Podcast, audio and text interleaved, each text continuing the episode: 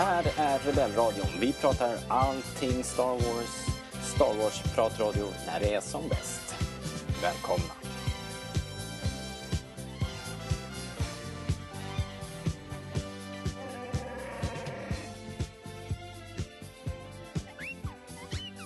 Ja men välkommen till Rebellradion. Det är eh, månaden mars och eh, idag presenterar jag en helt eh, unik rebellradio. Jag flyger solo här idag. Det har nog inte hänt förut under alla år. Ni får väl rätta mig om jag har fel. Men jag tror det här är första gången som jag kör helt solo faktiskt. Med det sagt så betyder inte det att eh, det här är den enda rösten ni kommer att höra idag. Jag har nämligen två telefonintervjuer att spela upp för er. Eller eh, eh vi kan väl säga ett samtal och en rapport lite mer. Först så ska vi titta in bakom kulisserna på en ambulerande vintage leksaksbutik. Toivelen. Just precis, vi ska, vi ska prata vintage toys. Uh, rätt mycket Kenner action figures från 80-talet såklart men till er som lyssnar nu och eh, uh, skruva lite grann på er för att ni inte har den här uh, känslomässiga kopplingen till vintage toys från 80-talet så tycker jag ni ska lyssna ändå. Det, det har inte så mycket att göra med figurerna per se utan mer samlandet. Så att ni kanske inte har den här nostalgiska kopplingen till gamla Star Wars-leksaker men det kan ju vara så att eh, ni har någon annan. Alla har vi ju någon eh, leksak som vi kanske har den där kopplingen till. Sen om det är My Little Pony eller eh, du kanske sitter på en komplett samling Carola vinylplattor eller eh, en eh, makalös samling med Bratz-dockor eller någonting. Det spelar liksom ingen roll utan det är liksom samma samlargen som, som vi pratar om här. Um, det blir i alla fall kul. Jag tycker ni ska lyssna eh, oavsett hur ni har det med, med era eh, Star Wars Kenner-figurer. Eh, sen ska vi få en rapport från Anna Wikmanis som eh, har besökt Hoth för ett par helger sen. Ah, det hölls nämligen ett litet konvent i Norge uppe på Hardangervidda i Finse eh, där de spelade in scenerna på Hoth. Väldigt roligt, missa inte det, det kommer efter. Okej, okay. och sen tänkte jag bara säga att de här samtalen är gjorda via Skype till mobiltelefon så ljudkvaliteten idag är väl kanske inte riktigt vad ni är vana vid men eh, jag, hoppas att, eh, jag hoppas att ni ska tycka det var värt att lyssna på i alla fall. Eh, Alright, då ringer jag upp här så ska vi se hur det är bakom kulisserna hos Toyvillen.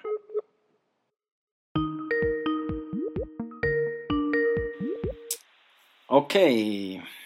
Ja, det var länge sedan vi pratade om Vintage Star Wars-samlande i Rebellradion så det är hög tid.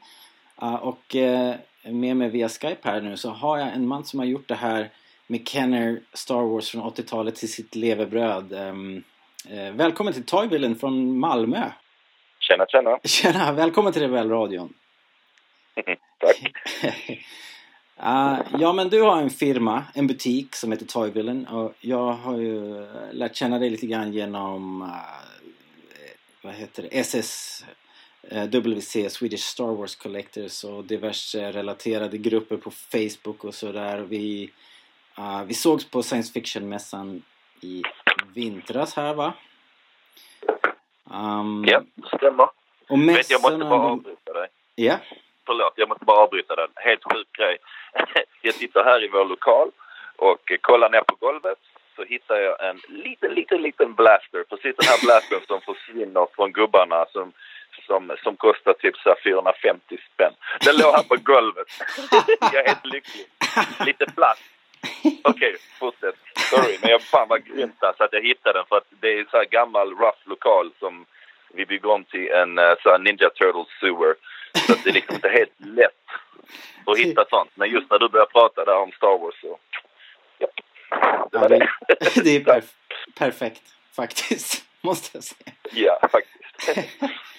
jag skulle egentligen bara säga att de här mässorna, eh, det, det mm. är väl egentligen liksom din marknadsplats framför allt, antar jag. Du åker runt på de här mässorna i Sverige och Norden och säljer mm, toys. Mm. Jo, det, Men eh, jo, ja precis.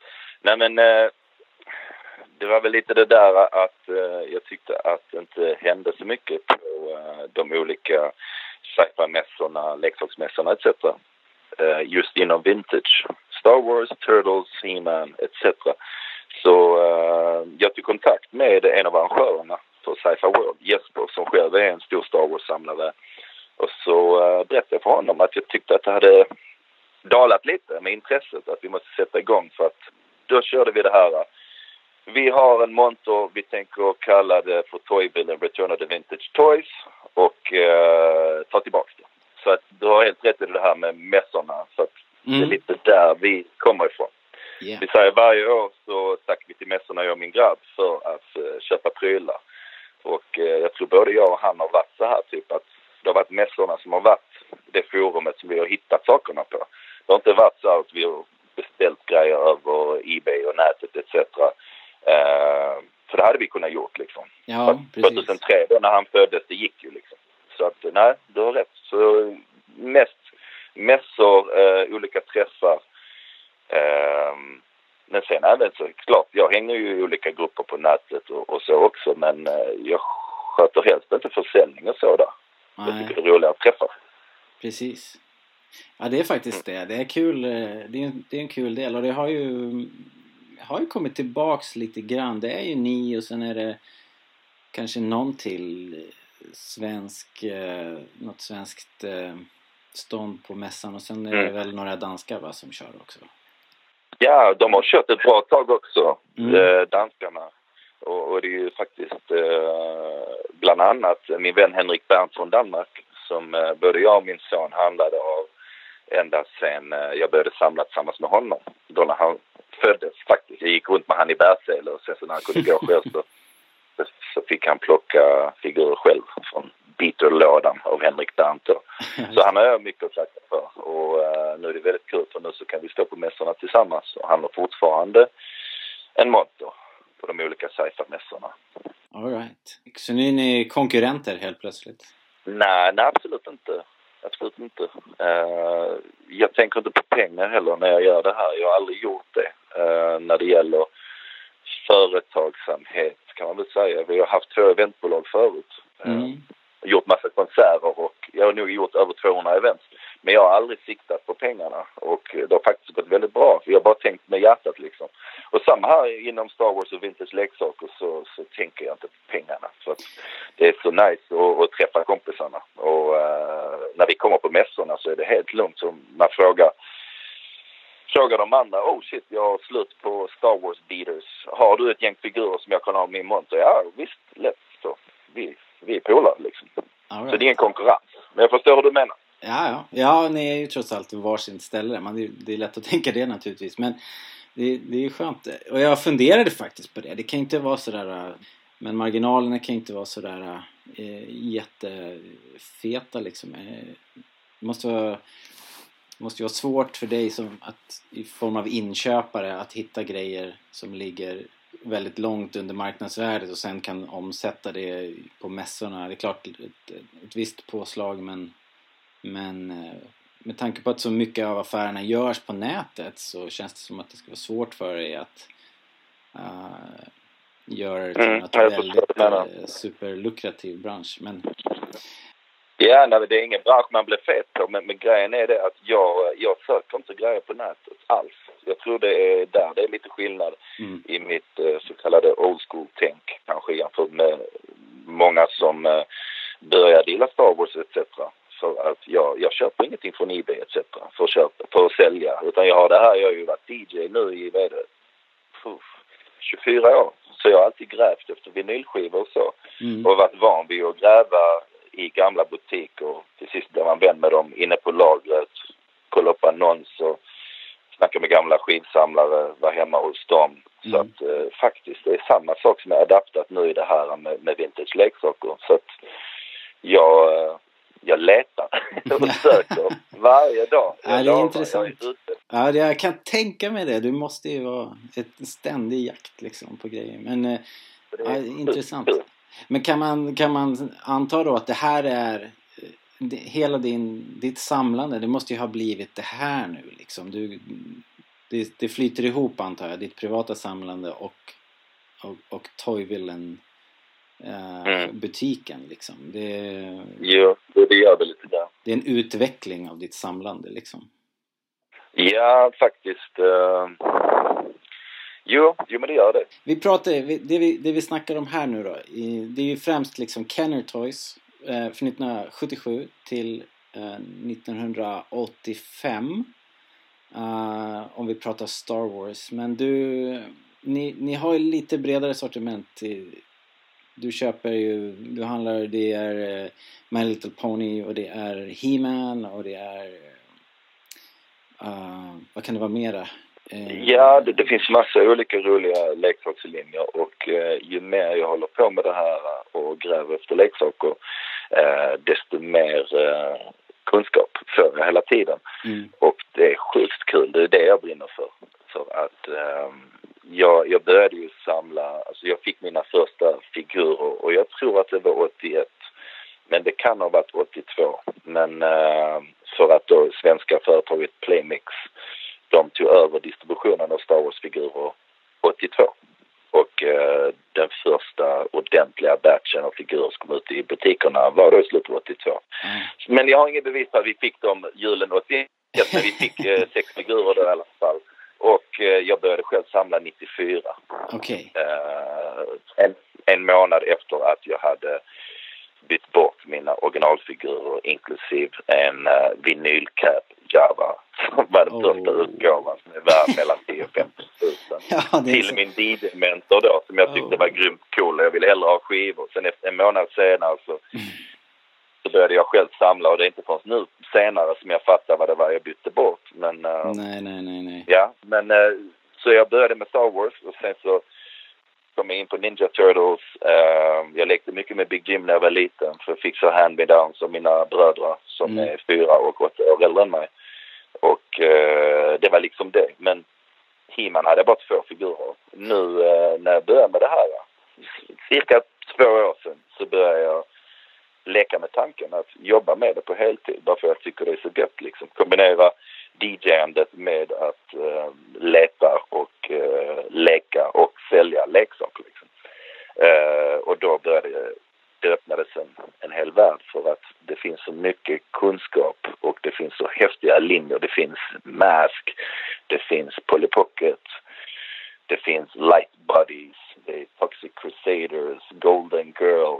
Ah, Golden Girls. Eh. Det satt jag här och tänkte, vad heter de där som du, du har lagt upp på någon Instagram? Det är någon form av eh, krigarprinsessa-linje liksom. Eller hur? Visst är det de? Ja, ja, ja precis. precis. De, eh, de fick sett en licens samtidigt som eh, He-Mans eh, kvinnliga motsvarighet. Men Golden Girl då, de, eh, de släppte en, eh, en pilot på en tecknad serie. Men eh, det kändes som de blev utkonkurrerade ganska snabbt. Ja. Så att det hände inte med. Ah, okej. Eh, men det är coolt. Golden Girl till exempel. Det finns massa Bravestar, Transform.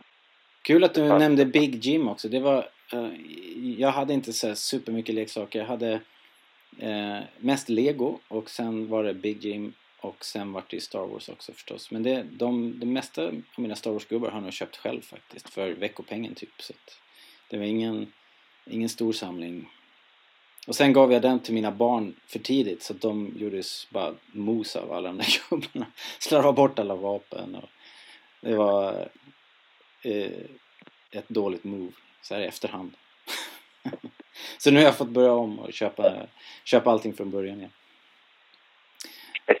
ja, bland annat av mig.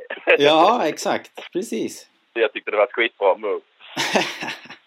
Bara Nej men det ligger... Men, Men, eh, men det, ja men det, varför inte? Jag menar, det, det har ju varit jättekul att lära känna dig och många andra i eh, det här Swedish Star Wars Collectors. Det är en kul eh, liten församling där och det är en folk som tar det här på, på största allvar. Och det är ganska bra också för nu i och med att, i och med att hobbyn har förändrats lite grann och det har blivit väldigt poppis och priserna går upp då kommer det också lurendrejare och förfalskningar och eh, det, det är liksom Ebay och Tradera och sådär. Man kan inte man kan liksom inte riktigt lita på att det är att man köper äkta grejer. Ja.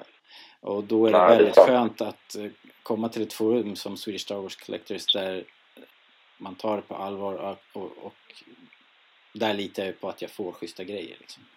Ja, men det, det är sant. Det är skönt att det, det finns eh, samlarstyrda forum över hela världen eh, som eh, ser till att när man går med i gruppen så ska man eh, läsa reglerna och följa reglerna. Och eh, är det någon då som försöker luras och sälja reproduktioner på vapen till exempel eller figurer som fortfarande är kvar på sitt kort men de har limmat tillbaks bubblan etc. Det är lite Mm. som att förfalska konst till exempel. Eh, då blir det ju att de blir kickade direkt. Samtidigt så blir det ju att eh, alla får reda på det. Ja, det blir en självsanering i gruppen liksom. Eh, Ja, nej, nej, det, är en bra, det är ett bra upplägg. Det är ett bra upplägg. För det finns en väldigt trygghet. För det känns som att, eh, att alla samlare någonstans värnar om varandra. Eh, även om det finns många, eh, ja, ja. många, man, många, många liksom meningsskiljaktigheter etc. Men, men ändå, när det väl kommer till kritan så, så värnar man om varandra för att man vet om att man är där på grund av samma sak. Man tycker om Star Wars. Eh, och man vill liksom göra det på det sätt som man vill göra det. Om man kanske köper saker flera tusen kronor man vill inte bli blåst liksom. Nej, precis. att, eh, mm. Men eh, jag tänkte på det du sa, det, eh, Kenner 77 till 85. Det är ju den eh, amerikanska leksakslinjen som Mm. släppte Star Wars då. Sen så, eh, så fanns det ju eh, leksaker som producerades i Brasilien eh, av ett företag som heter Glasslight eh, fram till så sent som 88. Mm. Eh, och sen så fanns det leksaker producerade i Spanien eh, av PBP, och sen så fanns det i eh, England. Eh, producerades inte där men de sattes ihop och hade egna vad heter det, företagslogos på boxar och på eh, Minton card-figures och så vidare. Jag tänkte bara på det att det är rätt häftigt att det är så brett. Det finns liksom, det tar aldrig slut. Om, om man vill eh, fokusera på att samla vintage Star Wars så kan man göra det hur länge som helst. För det tar aldrig slut. Precis. Nej, de där nyanserna av... Och det, det är också intressant. Det, alltså, man lär sig ju när man ger sig in i det här och hänger på de här forumen så börjar man ju så sakta förstå de här nyanserna som du säger, de olika Ja men de olika produktionsländerna och, och, de olika varianterna och, och sådär. Det finns, eh, finns ganska mycket om man vill nischa sig så, så kan man ju skjuta in sig på liksom en viss del. Man måste inte... Det är Star Wars, det finns så mycket, det är svårt att samla på allt liksom. Så det, så sätt är det lite tacksamt. Man kan, man kan välja sin gren och så kör man på det liksom. Mm. Jag tror man, mär, man märker vad som tilltalar ens person efter ett tag. Ehm, det är väl så. Efter ett tag när man har samlat så, så märker man ah men det här gillar jag. Ja. Eller den här figuren gillar jag. Ja, Eller exakt. den där uh, cardbacken tilltalar mig. Ehm, den där artworken på den där boxen. Mm. Mm. B-Wings boxar är snygga typ. Så, men jag gillar B-Wings. Jag ska gå loss på B-Wings. Ja. Lite så. Ja. Och så är det, de flesta verkar ha någon liten eh, fokus i bakgrunden, liksom någonting som man gillar lite extra. Man samlar på Boba Fetts eller R2D2 eller någonting. Vad har du själv för någonting som du, när du ute och gräver i lådorna och hittar några pärlor där, vad är det för grejer som du har svårt liksom att sälja vidare? Utan som, som du, du liksom håller fast vid? Finns det några sådana grejer? Ja, jo det, jo, det finns det ju. Eh, med hopp om att eh, de, de som lyssnar på det här programmet nu inte försöker kränga det här svindyrt till mig för att jag säger detta nu. Så nej, men jag, jag har alltid fascinerats eh, av eh, den svenska leksakshistorien. Och eh, det började redan då när jag började samla Star Wars 94. Och eh, senare när jag fick kontakt med Mattias Rendahl från Helsingborg som är en eh, världskänd samlare som gjort jättemycket för eh, Star Wars-kulturen i Sverige och hela världen. När han började samla på eh, skepp i box med de här svenska klistermärkena på där står dockor, figurer ingår Mm. är bara en liten orange lapp. När han eh, inte tog bort den som de flesta andra gjorde så tänkte jag så här, hmm, det är ganska coolt.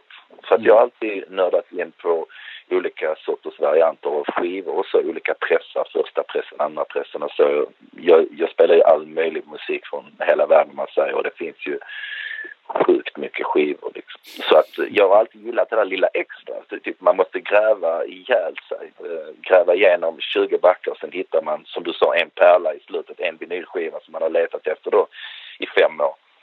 Typ samma där just med de här svensksålda grejerna. Det, det är väldigt svårt att hitta i fint skick. Eh, så att eh, vi är några stycken i Sverige som gärna vill samla på svensksålda saker och jag är då eh, jätteintresserad av eh, boxade saker med svensk eh, svensk klibba som man säger. Ja. Den orangea klibban får gärna vara svenska prislappar också. Ja, just det. Eh, och det ligger mycket nostalgi i det om man säger så här, okej den här kostar 198 kronor då och så här mycket kostar den på rean liksom. Mm.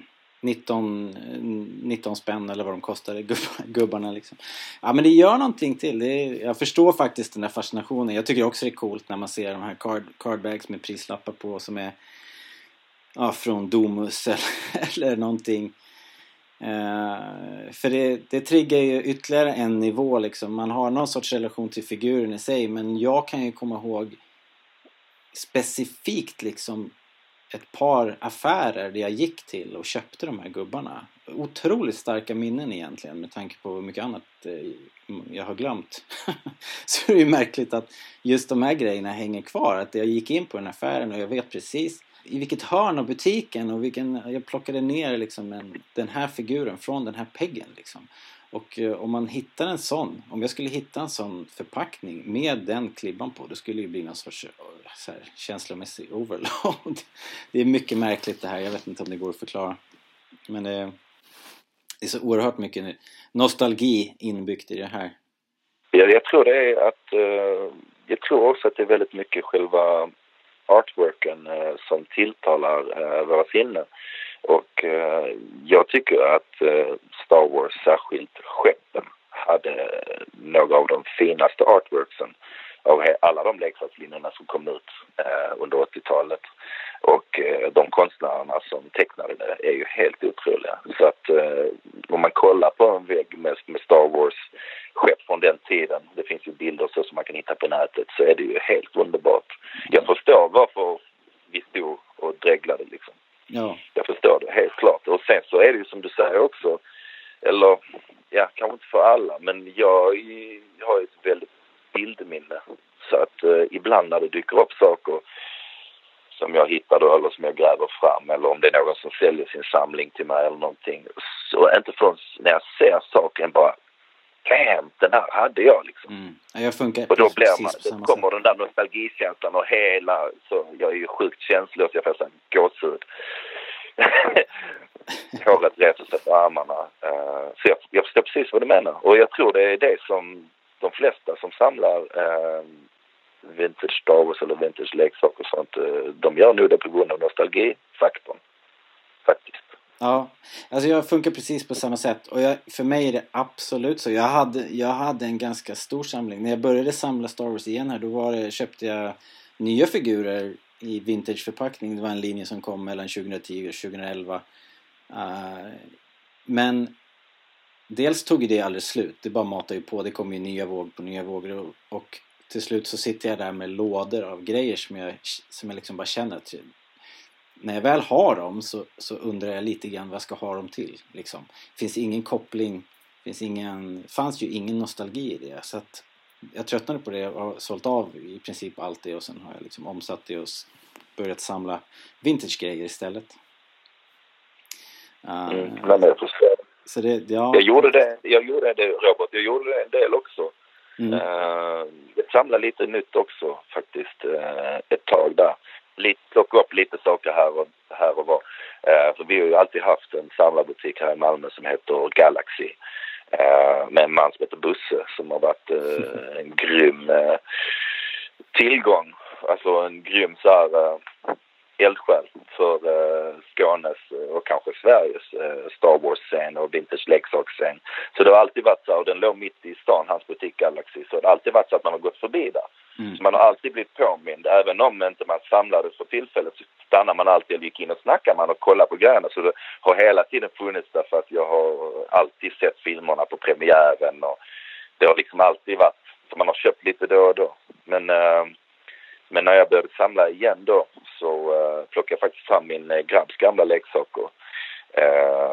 gamla och gamla, men de leksakerna han hade fått av mig.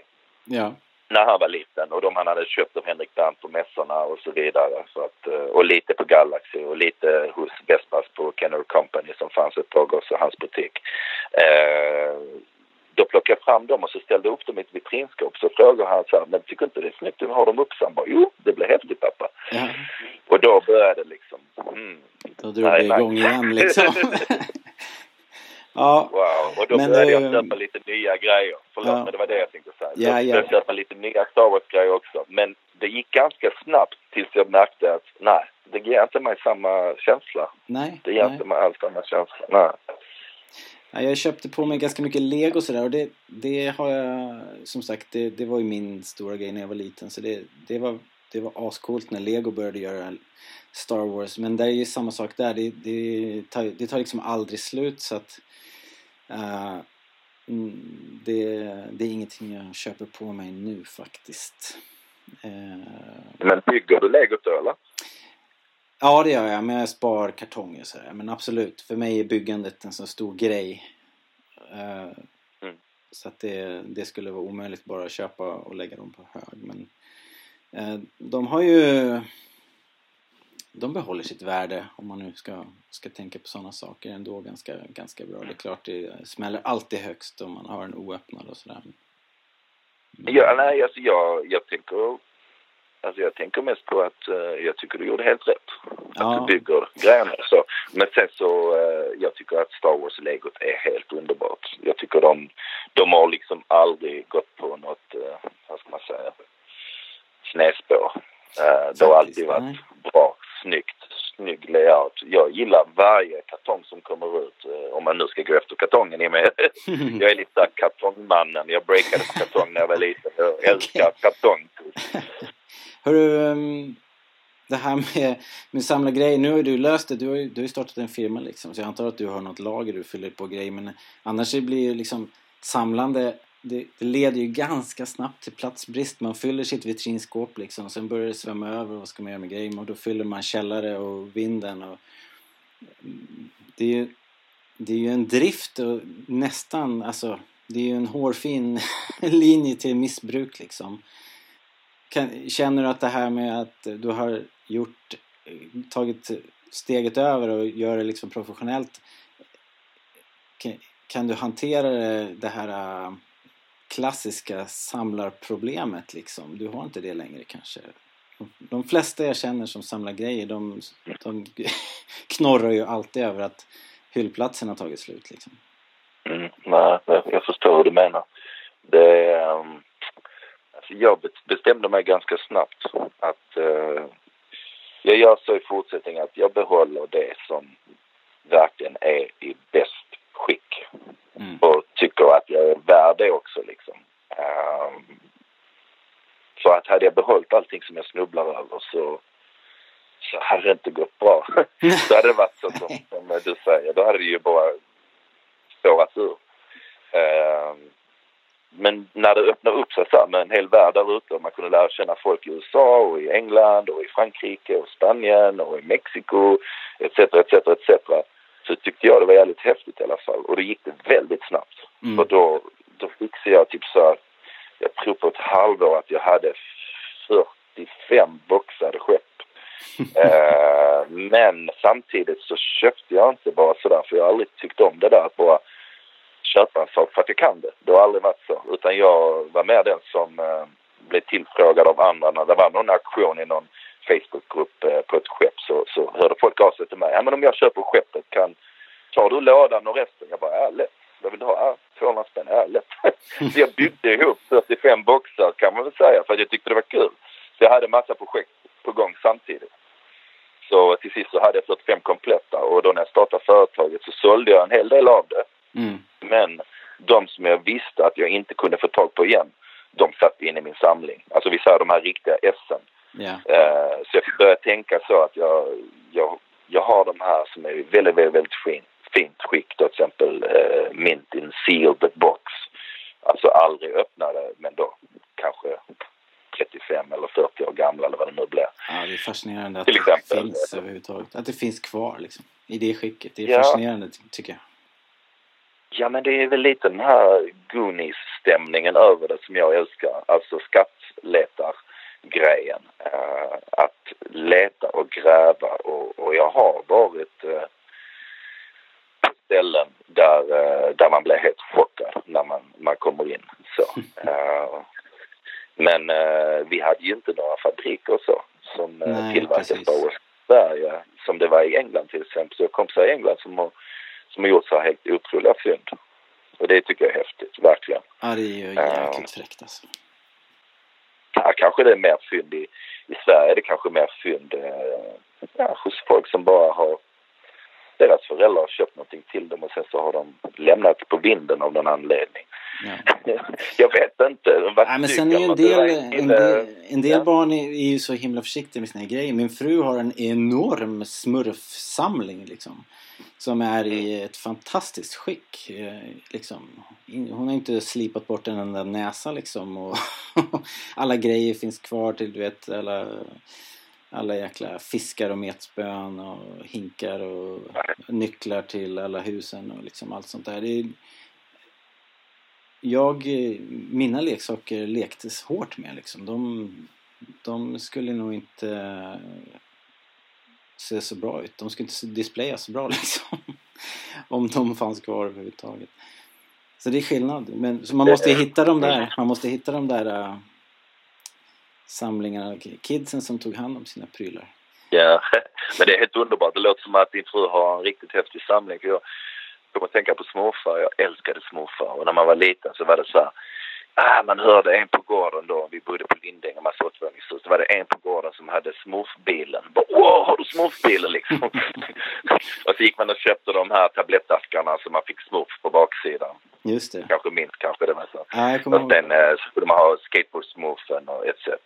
Men eh, ja, men det, är lite så här eh, att många var typ för gamla när alla de här eh, Star Wars-figurerna reades ut. Alltså, det var ju Nintendo och Sega, de slog igenom på Mm. marknaden att man kunde spela arkadspel hemma och konkurrerade ut eh, Star Wars bland annat, att leka med actionfigurer.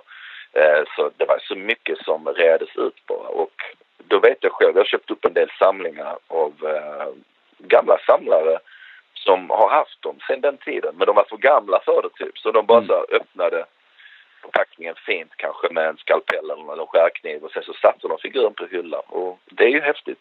Ja, Ehm, bara för att det är lite häftigt att se det skicket. ja Men samtidigt så tycker jag inte den figuren är mer värd, alltså värd som, vad ska man säga, emotionellt om man ska säga, som Nej. en lekfigur. Jag tycker det är lika coolt, vad ska man säga, estetiken i dem är densamma. Ja, för mig är det det. När jag sätter ihop min samling nu så eh, det gör ingenting att det är lekta figurer. Jag måste inte ha dem så här mint. Eh, de, det gör inget om att det är lite färgskav eller så. De, det känns nästan mer bekant och liksom rätt för min samling på något vis. Men du, vi ska, vi ska, vi ska runda av. Vi kan, eh, annars kommer vi sitta här och prata hela natten. Det var, det var kul att snacka lite vintage toys. Eh, vad har du för, eh, vad har du för mässor på gång här i, i, nu i, i närtid om folk vill komma och köpa lite figurer av dig?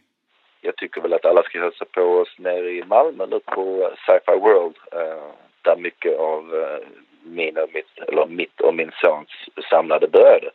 Och eh, det är den 24-25 mars i. Malmö. Och den är bra den mässan. Den är väldigt bra. Den, eh, det känns lite som Jesper som arrangerar det, som är grym. Han har gjort det i 20 år nu. Detta är väl det 21 året, tror jag. Ja, det är det. Eh, det känns lite som att han lägger lite extra krut för han bor här i trakterna. Mhm. Och, eh, jag tycker den, den mässan kan jag rekommendera. Just den i Malmö brukar vara grymt bra. väldigt mycket folk, väldigt mycket som händer. Coolt. Så. Men sen så kommer vi vara runt om i, i Sverige eh, under hela året faktiskt. Så att vi, eh, vi brinner för det. Och sen så tycker jag också det är nice att ta ut min tonårsson så han inte är ute och springer på helgerna. så när han inte sitter hemma och gamar så hänger han med mig ut eh, på mässor. Och han Ja. tjänar pengar, han är duktig. Så att, ja, Perfekt. det är kul att spendera lite tid liksom. Ja, såklart. Det är ju perfekt. Eh, om man vill följa då, är det Facebook? Uh, Toyvillen på Facebook som är bäst eller? Ja, det är både Toyvillen på Facebook och uh, Toyvillen på Instagram. Sen har jag en grupp också som jag är admin för eh, som inte handlar så mycket om att köpa och sälja och så. För att, som jag sa innan, jag är inte inne i det för pengar. Jag är inne i det för kulturens skull. Och den heter Box Art Variants and Vehicles. Box Mm. Art Variants and Vehicles. Och då är vi en massa samlare runt om i, från runt om i världen. Eh, från överallt ifrån verkligen. Vietnam, Mexiko, USA, Kanada, Frankrike, Italien. Och vi är några stycken där som är admins men eh, vi är en stor klick som bidrar med bilder och information. Så vi sitter och pratar om olika saker och olika varianter av just själva arten. Liksom, som jag sa, boxarten. Uh, det kan vara allt från instruktioner, jag vet att det låter jättenördigt, men uh, det kan vara allt från instruktioner. Allt, allt med det här låter ganska nördigt. Uh, jo, det, jag gillar inte ens ordet, men man vet inte vad man ska säga Man Nej. Någonting, när man ska beskriva. Nördigt kan man säga. Uh, men där är ju sjukt mycket coola skepp och så om man vill återuppleva sin barndom och de här leksakshyllorna som man sa. Så Box Art Variants and Vehicles tycker jag är en bra grupp faktiskt. All right. Jag hälsar på. Man kan säga välkommen. Då, de som är intresserade, då hittar de dit. Coolt. Men du, då ska jag tacka för, tacka för ikväll och eh, för din tid. Och så ses vi på mässorna då. Det gör vi definitivt. Sköt om dig Robert. Sköt om dig. Ha det. Okej. Hej. Ha det. Hej.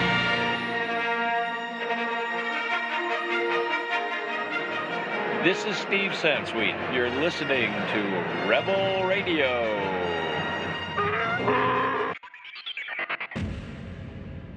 Alright, där har vi det. Det var ju ett trevligt samtal. Samlarvärlden är en ganska speciell plats. Men hittar man rätt, eh, som vi kom fram till här, så liksom kan det vara en riktigt trevlig plats. Eh, en jäkligt kul hobby. Men jag tänker att det liksom gäller att ja, hålla sig till sin nisch. Det är ju liksom lätt att det blir lite mycket grejer. Så att det är, hitta någon liten, någon, någon liten speciell sak. Helst någonting kanske avgränsat, begränsat också. Det går ju liksom inte att samla på all Star Wars.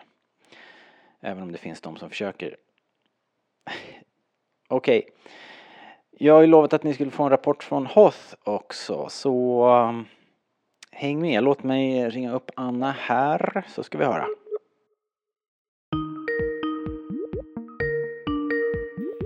Hallå Mm. Anna!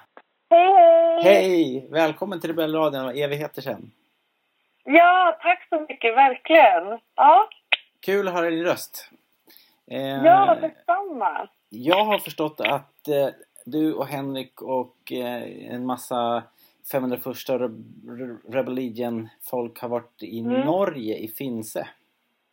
Yes, det har vi. Vi hade chansen att åka på Visit Hoff-evenemanget som eh, de har börjat att ha årligen. Det här var andra året finns eh, anordnade det och det känns bara som att det kommer bara bli större och inte oftare kanske, men större i alla fall. Det här vill de verkligen satsa på. Vad kul att, höra för att eh, jag såg att det här var förra året och ville så himla gärna åka i år men det gick Mm. inte, gick inte att få till för att de var lite sena att utlysa det så att tyckte, jag, Okej. tyckte jag då, då. Men, men, eh, Ja, ja. men du menar att de kommer att fortsätta köra varje år alltså? Jo, men det lät verkligen så. Och de sa själva, nu ska vi se, eh, eh, Andreas Frölich som är liksom evenemangs... Eller har liksom startat det här uppe i Finse. Eh, han pratar om att de har både kontakt med Disney och Lucasfilm eh, och att de har dels planer på att eh, skapa ett litet permanent museum med lite så här, så ett fotogalleri med bilder från när man spelade in och så och med alla normer som var inblandade i det och, eh, och man har planer och, eller, att starta en insamling att eventuellt bygga en snowspeeder och ha det där placerat också. Så det, det kommer bli fler chanser för dig Robert. Det tror jag. Ja, Och alla andra. vad glad jag blir. Eh, Ja. Det låter jättekul. Men du, vi kanske ska förklara lite snabbt bara. Finse ligger ju mitt uppe på fjället på Hardangervidda. Eh, Och det Mm. var där de spelade in eh, delar av Empire då, vinterscenerna på Hoth. Så det är ju liksom som att åka till Hoth när man åker till Norge. Ja, men det, det var, det kändes verkligen som en helt alltså, annan plats faktiskt. eh, så det var miljön, var så mycket snö och det var de här bergen, de här formerna. Man kände, jag, man kände liksom igen det. Nu, nu- förberedde vi oss, vi tittade på Empire Strikes Back också innan vi skulle åka. Såklart. Eh, ja, och nu kände man när man varit där, ah, nu måste jag titta en gång till för att liksom dubbelkolla de här bergen och stenarna liksom. Ja, Eh, ja, men det var en helt magisk plats och jättebra inspelningsplats liksom. Det kändes väldigt out of, out of this world faktiskt, eh, när man var där. Det ligger ju väldigt avsides. Eh, det är knivigt att ta sig till. Man kan bara åka tåg upp på vintern. Mm, precis. Eh, det, är liksom, det finns ju flygplatser med hotell men det känns som att eh, det här är ett hotell med en tågstation. Ja. Liksom. Just det. Eh, Så det är och det är bara det här liksom- fjällhotellet? Det, Ah. det är inte så mycket annat? Är det några andra byggnader eller? Alltså det finns lite stugor men mellan stationerna du kanske hittar så här, ah, här är en stuga, här är två stugor. Det är liksom verkligen mitt ute i ingenstans. Och det där tåg, tåget det är ju livlinan för ja, Ja. men hotellet och de som bor i närheten eller brukar vara i närheten. Ja. Eh, och den, och det, är- det är ju nationalpark där så det finns ju inga planer på att ens bygga några motorvägar ditåt heller. Så det, det kommer att vara så. Superhäftigt. Ja, verkligen. Beskriv hur det var då. Hur, hur var resan upp på fjället där och när du klev av i, på Finse station? Hur ja, kändes det? precis. Vi valde att resa från bergen. Eh, Så vi Mhm. tog flyget från Arlanda till bergen eh, för att snabbt komma på fredag, efter, på fredag morgon för att hinna åka snabbt, resa snabbt. Då. Eh, Okej. Och det var ett jättebra val att åka just tåg från bergen. För det, dels är det en jättevacker stad som vi hann inte se så mycket av men eh, det är en helt otrolig tågresa där med de bergen och det fjället där. Uh, och sen, och det var, nu ska vi se, då åkte vi runt tio, då var det ljust fortfarande och när vi kom fram, nej det kan inte ha varit, nu ska vi se. Det var ljust i alla fall när vi åkte från bergen och när vi kom fram till Finse då var det väldigt mörkt. Så runt, runt fyra åkte vi från bergen, Ja. precis. Eh, och så tog det två timmar att åka eh, och när vi var framme då var det kolsvart liksom. Man såg inte miljön omkring, man bara såg massa snö. Just det, såklart. och vi vart välkomna av snowtroopers såklart. Så våra norska medlemmar som var på stationen och hälsade alla som hoppade av tåget. Eh, så man var väldigt förväntansfull och så. Eh, man var helt slut efter resan hela dagen. Så vi bara, vi åt någonting, packade upp oss och sen gick vi och la oss. Eh, och sen nästa morgon, och vi hade otroligt tur med vädret. Det var vindstilla, solen sken eh, och snön bara glittrade liksom. Och, Perfekt. och så såg man de här bergen liksom, som man har sett i Empire Strikes Back på morgonen där. Det var ja, helt fantastiskt att bara få vara där. Ja, vilken tur. För det kan ju säkert vara eh, betydligt sämre väder. Alltså mer, Ja. mer ofta än inte liksom. Ja men precis, eh, förutom att när de väl spelade in det, eh, det är 79 va? Ska inte säga fel. Precis. Säkert, ja det skulle jag tro. Eh, Gissningsvis. Ja, jag vet inte Så- men det bör ju ha varit någon gång under 79. ja men precis 79. Så då var det ju värsta snö och ovädret där de haft på typ 100 år sa de. Eh, och det var typ 40 minus och kamerorna ville inte funka och så. Eh, så det har ju varit mycket värre där. De har inte eh, haft så tur med vädret under Star Wars-produktionerna. Men du, ehm, kunde ni, bodde ni i Mark Hamills gamla rum eller? Alltså, det fick vi inte reda på för att den guidade turen, den var på söndagen och det var vår resdag tyvärr för att vi skulle hinna hem Okej. till arbetsveckan liksom. Ja. Eh, för då, då var det, nu ska jag säga, det var dels eh, Christian Berrum som var eh, liksom lokalt ansvarig för det logistiska i Norge för inspelningen. Han var där och berättade om sina anekdoter och minnen och så vid inspelningen 79.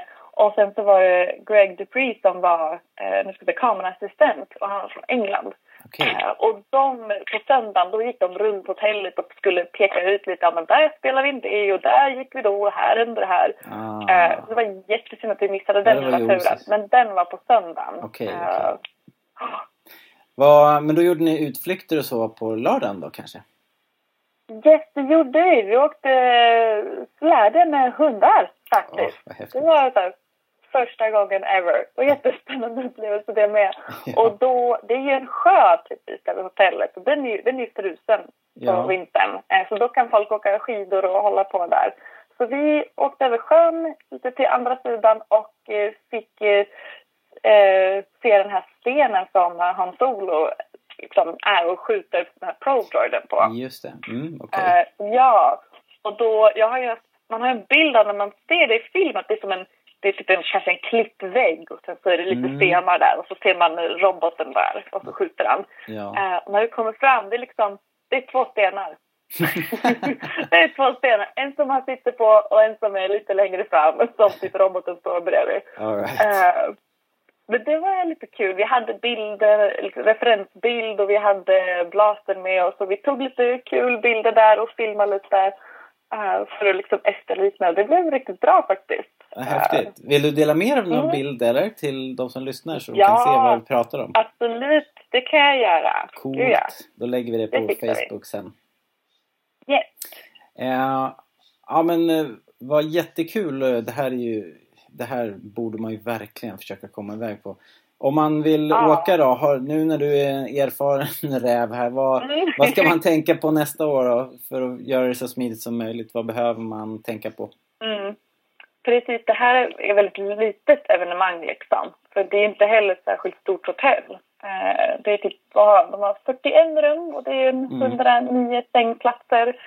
Eh, och vi Nordic Garrison, vi ställde ju liksom upp för, så det var lite som en arbetshelg kan man säga för oss. Så vi hade ju chansen att de hade fixat boende för oss redan mot Ah, att vi ställer okej. upp och är utklädda och hälsar välkomna till folk och bara minglar runt och skapar stämning. Just. Eh, precis, jag har själv inte koll på hur man ska, hur biljettköp och så går, men de gick fort åt, Mm, eh, mm. har jag hört. Eh, och de är inte särskilt många. Och när vi var samlade som mest, eh, när art directorn, nu ska jag säga, eh, Alan Tompkins skulle ha en liten panel, då var vi kanske där 50, alltså max 50 personer i rummet. Eh, så det är ett litet evenemang, vilket är väldigt trevligt. Det är väldigt här, man kan mingla runt och hinna lära känna nästan alla faktiskt.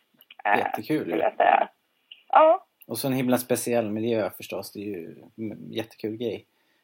Eh, Ja, Spännande att se vad de kan göra i framtiden. Om de kan få till något, något litet museum och utöka på ja men vis. verkligen. För de, har, de, ställde, de hade ett rum som de hade satt upp en massa bilder som eh, mycket backstage-bilder från eh, säga, Christian Berrum hade delat med sig av från hans personliga album när han var med och hjälpte till och, och fixade där uppe. Mm. Och, och så. Så det var ett fotogalleri där i alla fall. Jag vet inte om den ska bli ett museum eller om det liksom, ja. Och så Jag såg faktiskt att de- de har- så. Mm. Jag såg, jag såg på... Jag skulle bara säga att de har ju en Facebook-sida. Och den Mm, heter... precis. Den heter Visit Hoth, tror jag. Ja, precis. Den heter Visit. Ja, och Eh, så den kan man bevaka och där kommer säkert mer information och inför nästa år också då det är 40-årsjubileum för Ja, inspelningen det, av. Strikes Back. Så då tror jag man kommer vilja smälla till det stort. Ja, såklart. Jubileumsår. All right Anna, vad, vad kul! Superkul! Ja. Det verkar ju ha varit en toppen helg verkligen. Det har det. Jag, I måndags när jag kom, jag var fortfarande på Hoss liksom, när man var på jobbet. Man bara, ah, de där snön och, och helt otroligt. Mäktigt. Ah, nej, verkligen. Och har man chansen så ta er dit liksom. Ett litet evenemang, väldigt mysigt litet hotell, eh, helt fantastisk miljö eh, och ja, take the chance if you get it. Fy vad coolt. Ja, men då gör vi det. Mm. Ja, gör All det. right. Men du, då hörs vi. Ha det så bra. Ja, men det gör Tack så mycket. Hej då! Okej, stort tack till Anna Wikmanis. Det var fantastiskt att höra hur en, vilken välordnad liten fin mässa det där har blivit på Hoth och jättekul att höra att den blir återkommande. Jag, jag kan verkligen inte vänta, jag skulle så gärna åka upp. En kul grej också som kom fram efter att vi hade spelat in det här var att eh, ni kommer ihåg att jag frågade vart, vart eh, Mark Hamill bodde, i vilket rum och sådär om de hade sett det. Det hade de inte hunnit med och gå med på den turen. Men i efterhand fick de reda på att de, de, de hade faktiskt bott i Mark Hamills rum. Så jäkla coolt. Eh, liksom av en, av en slump. Eh, så det är ju, det är ju en fantastisk liten, eh, liten eh, bit Star Wars trivia och eh, så coolt att eh, att få uppleva. de har ju tur som tokiga med både väder, arrangemang och eh, hotellrum tydligen då. Okej, okay, det var allt för Rebellradion den här gången. En, en liten specialare som sagt. Vi återkommer med en mer ordinarie eh, podduppställning här eh, ja, om inte allt för lång tid hoppas jag. Så ni får ha det så bra. Ge oss gärna femstjärniga reviews på iTunes. Det hjälper oss att komma upp lite grann i ratings där och eh, häng med på Facebook. Kommentera Ställ era frågor. Vi älskar att prata Star Wars med er där. Eh, och vi läser allting. Skicka mail till rebellradionpodcast.gmail.com så eh, ställ era frågor, eh, kom med förslag så får vi se. Det kan ju bli så att vi eh, pratar om er eller med er, vem vet? vi älskar att höra ifrån er i alla fall. Så, det var allt för den här gången. Vi hörs nästa gång. Hej då!